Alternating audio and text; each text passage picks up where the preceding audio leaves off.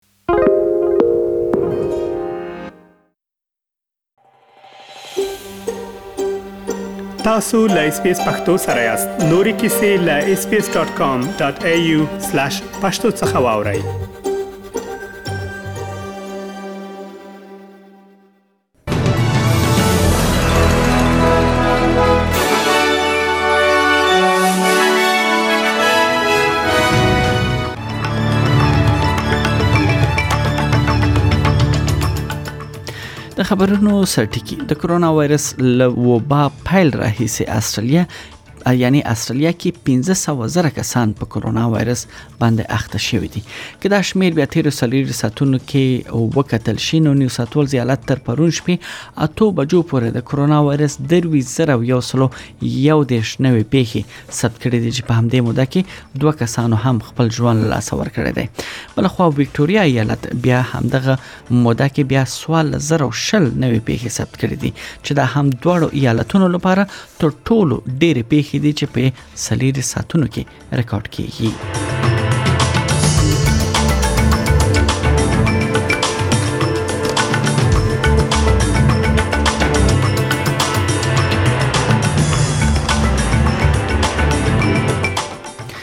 بلخوا استرالیا کې د کرونا وایرس د واکسین دریم ډوز ترلاسه کولو لپاره په میلیونونو کسان چې دي اوس اړ شوي دي او د یاد وایرس یعنی واکسین چې کوم پلي کونکي اداره ده هغه وایي چې د مهال هر څه چمتواله دوی نیولې ده او هغه مده چې د دویم ډوز او دریم ډوز ترمنځ یعنی رامنځته شوې ده یا ټاکل شوې ده هغه اوس څلور میاشتې ده چې ډیری کسان اوس اړ دي ترڅو د خپل د وایرس یعنی دغه دریم ډوز واکسین هم ترلاسه کړي.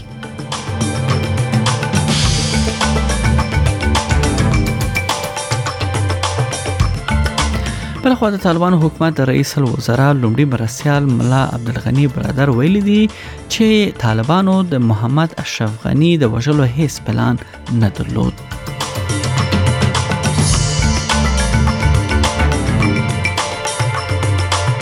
او بل خبر دا چې پاکستان ویلي دی د افغانستان سره په پولې به د قطر د یعنی د قطرو لګول کار دوام ولري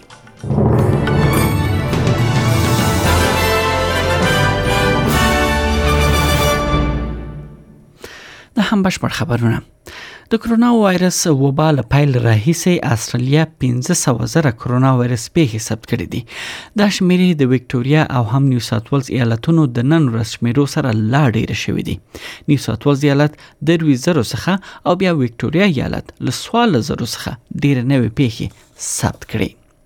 نیو ساوت ولز ایالت تر پرون شپې اتو بجو پورې د کرونا وایرس دروي زر او یو سلو یو دیش نوې پیښې ثبت کړې دي او دوه کسانو به همدې موده کې خپل ژوند له لاسه ورکړي دا نوې پیښې له اته سر له درې اتیا زرو ماینو څخه ترلاسه شوې دي له دې وړاندې د نوي کال په ورځ یاد ایالت خپل تر ټولو ډېرې پیښې چې 2500 واویاوي ریکارډ کړې وي ول نننې پیښې بیا نوې ریکارډ دی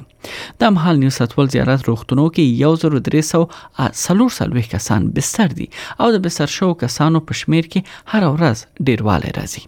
که چیرې روغتون کې بستر ناروغانو شمیر ته وکتل شي نو د کورونا وبا له پیل راهیسې دا لومړی ځل دی چې یاد ایالت کې په دومره ډیر شمیر نوې پیښې ثبت کیږي او هم کسان په روغتون کې درملنې لاندې راځي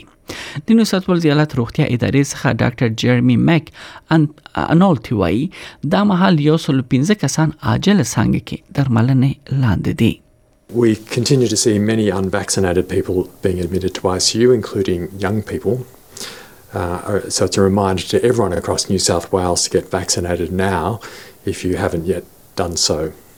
uh, and to get your second dose as soon as it's due.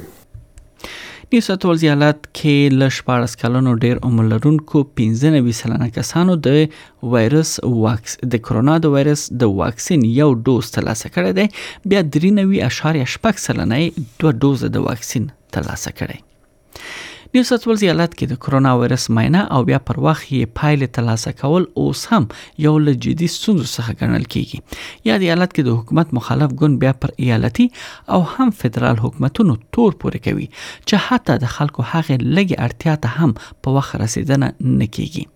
د کرونا وایرس چټکې معاینې توکي یا خو درملتونو کې نه پیدا کیږي او یا هم قیمت یې ډیر لوړ شوی دی د استرالیا لومړی وزیر بیا لدی وړاندې ویلي ول چې د چټکې معاینې توکي پر خلکو وړیا نه وي شي بلکې که څوک ورته اړتیا ولري هغه ته دا وړیا ورکول کیږي د نیو ساوت ویلز ایالت حکومت مخالف ګوند مشر چې دی کریس منز دی هغه وایي د لومړي وزیر سکاټ مورسن دا پلان عملی کېدو نه دی او هم ناسم دی له لومړي وزیر غوښتل شوی دی چې د کرونا وایرس په کور کې تر سره کېدونکو ماینې کڅوړې مسله د حل کړي او هم د پدې برخه کې خپل لهجه بدله کړي Be over a billion dollars that we're subsidising the PCR manufacturers and testing facilities across New South Wales and Australia. So it's not much more to make sure that we've got these rapid antigen tests that can be distributed free. And it seems like they're having huge success with that model in other countries around the world. بلخوا یو خبر دا هم ورکول کیږي چې د طالبانو حکومت د رئیس الوزرا لومړي مرستیال ملا عبدالغنی برادر ویلي دي کابل ته د ننوتلو پر مهال طالبانو هیڅ داسې پلان نه درلود چې ګواکې په خوانی ولسمشر محمد اشرف غنی دی ووجني نو مروړي دا څرګندونه دا څرګندونه وروسته له هغه کوي چې په خپل پرځول شوی ولسمشر محمد اشرف غنی او ورته یو شمېر نږدې کسانو ویلي دي چې طالبانو پلان درلود چې د پلازمېنه کابل له نیولو وروسته ښاغلی غني ووژني خو د طالبانو مهم مشر ملا برادر د افغانستان ملي رادیو تلویزیون سره په ځانګړې مرکه کې دا ادعا رد کړې ده ملا برادر دې مرکه کې ویلي دي چې ګڼ شمیر افغان مشران او سیاستوال دا مهال افغانستان کې دي او د په وینا عادي ژوند کوي او له خلکو سره ګوري ظاهرا د نوموړي اشاره په خواني ولسمشر احمد کرزي او په خواني ژای رئیس عبد الله عبد الله ته و چې دواړه د طالبانو له وکمنېدو وروسته کابل کې پاتې شوې دي خو پرځول شوی ولسمشر محمد اشرف غني د نوموړي نږدې سلاکار او د پخوانی کابینې ډیری غړي د کابل د سقوط پر مهال له افغانستانه دوی ووتل بل خبر بیا دا ده چې د پاکستان د بهرنیو چارو وزیر شاه محمود قریشي ویلي دي چې په ګډې پولې کې د امنیت یعنی کټارو په حقله د ځینو مغشوشتیاو د حل لپاره د ډیپلوماټیک لارو چارو د لارې په افغانستان کې د طالبانو په اړه کې یعنی دوی سره په یعنی په اړیکه کې دي خغلی قریشي د دوشنبه پر اساس اسلام آباد کې په یو خبري کانفرنس کې ویل چې هیواد یې د خپل ګټو د خوندیتوب هوډ لري او په یو اړخیزه توګه به د افغانستان سره په ګډه پولې د کټارو لګولو کار روان وساتي د پاکستان دغه جګپوړي ډیپلوماټ د طالبانو د سرحدي ځواکونو د هغو تازه هڅو په حق له خبرې یعنی کولې چې ګڼي پاکستانیان نه پریږدي په پولې یعنی کټاری ولګوي طالبانو همدا تیرونه د کټاریو یو برخه هم نړولې ده اول خبر دا هم ورکول کیږي چې د پاکستان د صدر اعظم عمران خان مخکنی خزه ریحام خان ویل دي چې بیګای پر موټر باندې برید شوی دی نو موري ازادي رادیو ته دا ویل دي چې بیګا د اسلام آباد له شمس کالونی خپل کور ته روانه و چې دوه موټر سایکلو سپروي پر گاډي دز وکړي هغه ویل چې دا او ورسره مل ډرایور او سکرتري روغ دي. د ریحام خان سکرتر بلال عظمت د پیښې په اړه له پولیسو سره شکایت درج کړی دی او پولیس وايي پلټنې پیل کړې دي.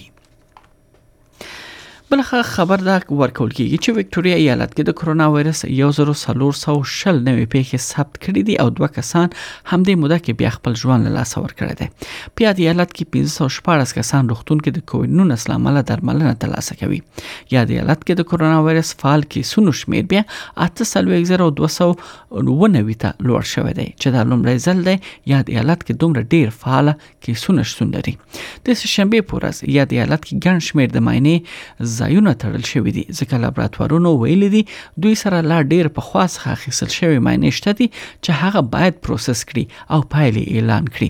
خلک د کرونا وایرس ماینې کولو لپاره تر 3 ساعتونو انتظار کوي بلخوا جنوبي استرالیا د کرونا وایرس درې زره دوه سوه شپږ څلوېښت نوې پېښې ثبت کړې دي او یو سل دوه کسان روغتون کې بستر دي تازمانیا بیا اووه سوه دوه نوې پېښې او کمبیرا نهه سوه شپږ ویشت نوې پېښې ثبت کړې دي په استرالیا کې د کورونا وایرس د واکسین دویم او دریم ډوز ترمنځ فاصله اوس څلور میاشت سره کته شوې ده او دا مهال د یاد وایرس د یاد واکسین پلي کولو ملي ادارې مشر وایي چې شاوخوا څلور میلیونه کسان اړ دي چې دوی دغه دریم ډوز د واکسین ترلاسه کړي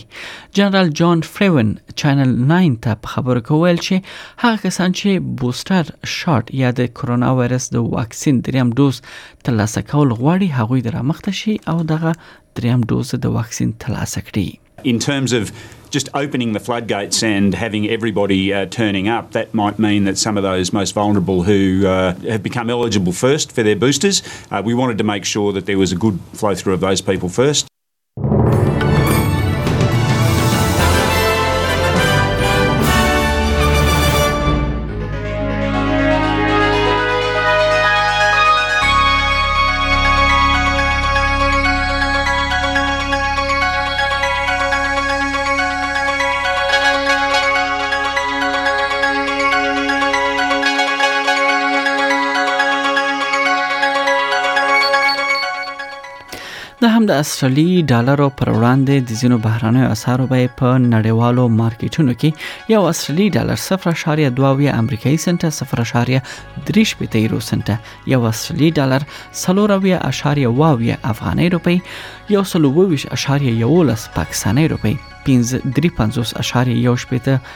هندۍ روپۍ یو استرالی ډالر 2.4 شپېته اماراتي درهم او 0.35 انګلیسي پنسه ارزښت لري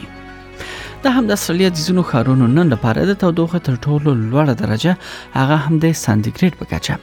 سیدنی کې هوا باراني د 28 په ملبورن کې اسمان برګ د سلیریش په برزبن کې هوا باراني د 22 په پرت کې هوا مریضه ده شپږ دیش په اډلېډ کې هوا مریضه ده شپږ ویش په هوبرټ کې هوا باراني ده اتلس په کمبیره کې اسمان برګ دی نه ویش او په اخر کې ډاروین هلته د باران او د طوفان اټکل دی او د تودوخې تر ټولو لوړه درجه 40 سانتیګریډ اټکل شوې ده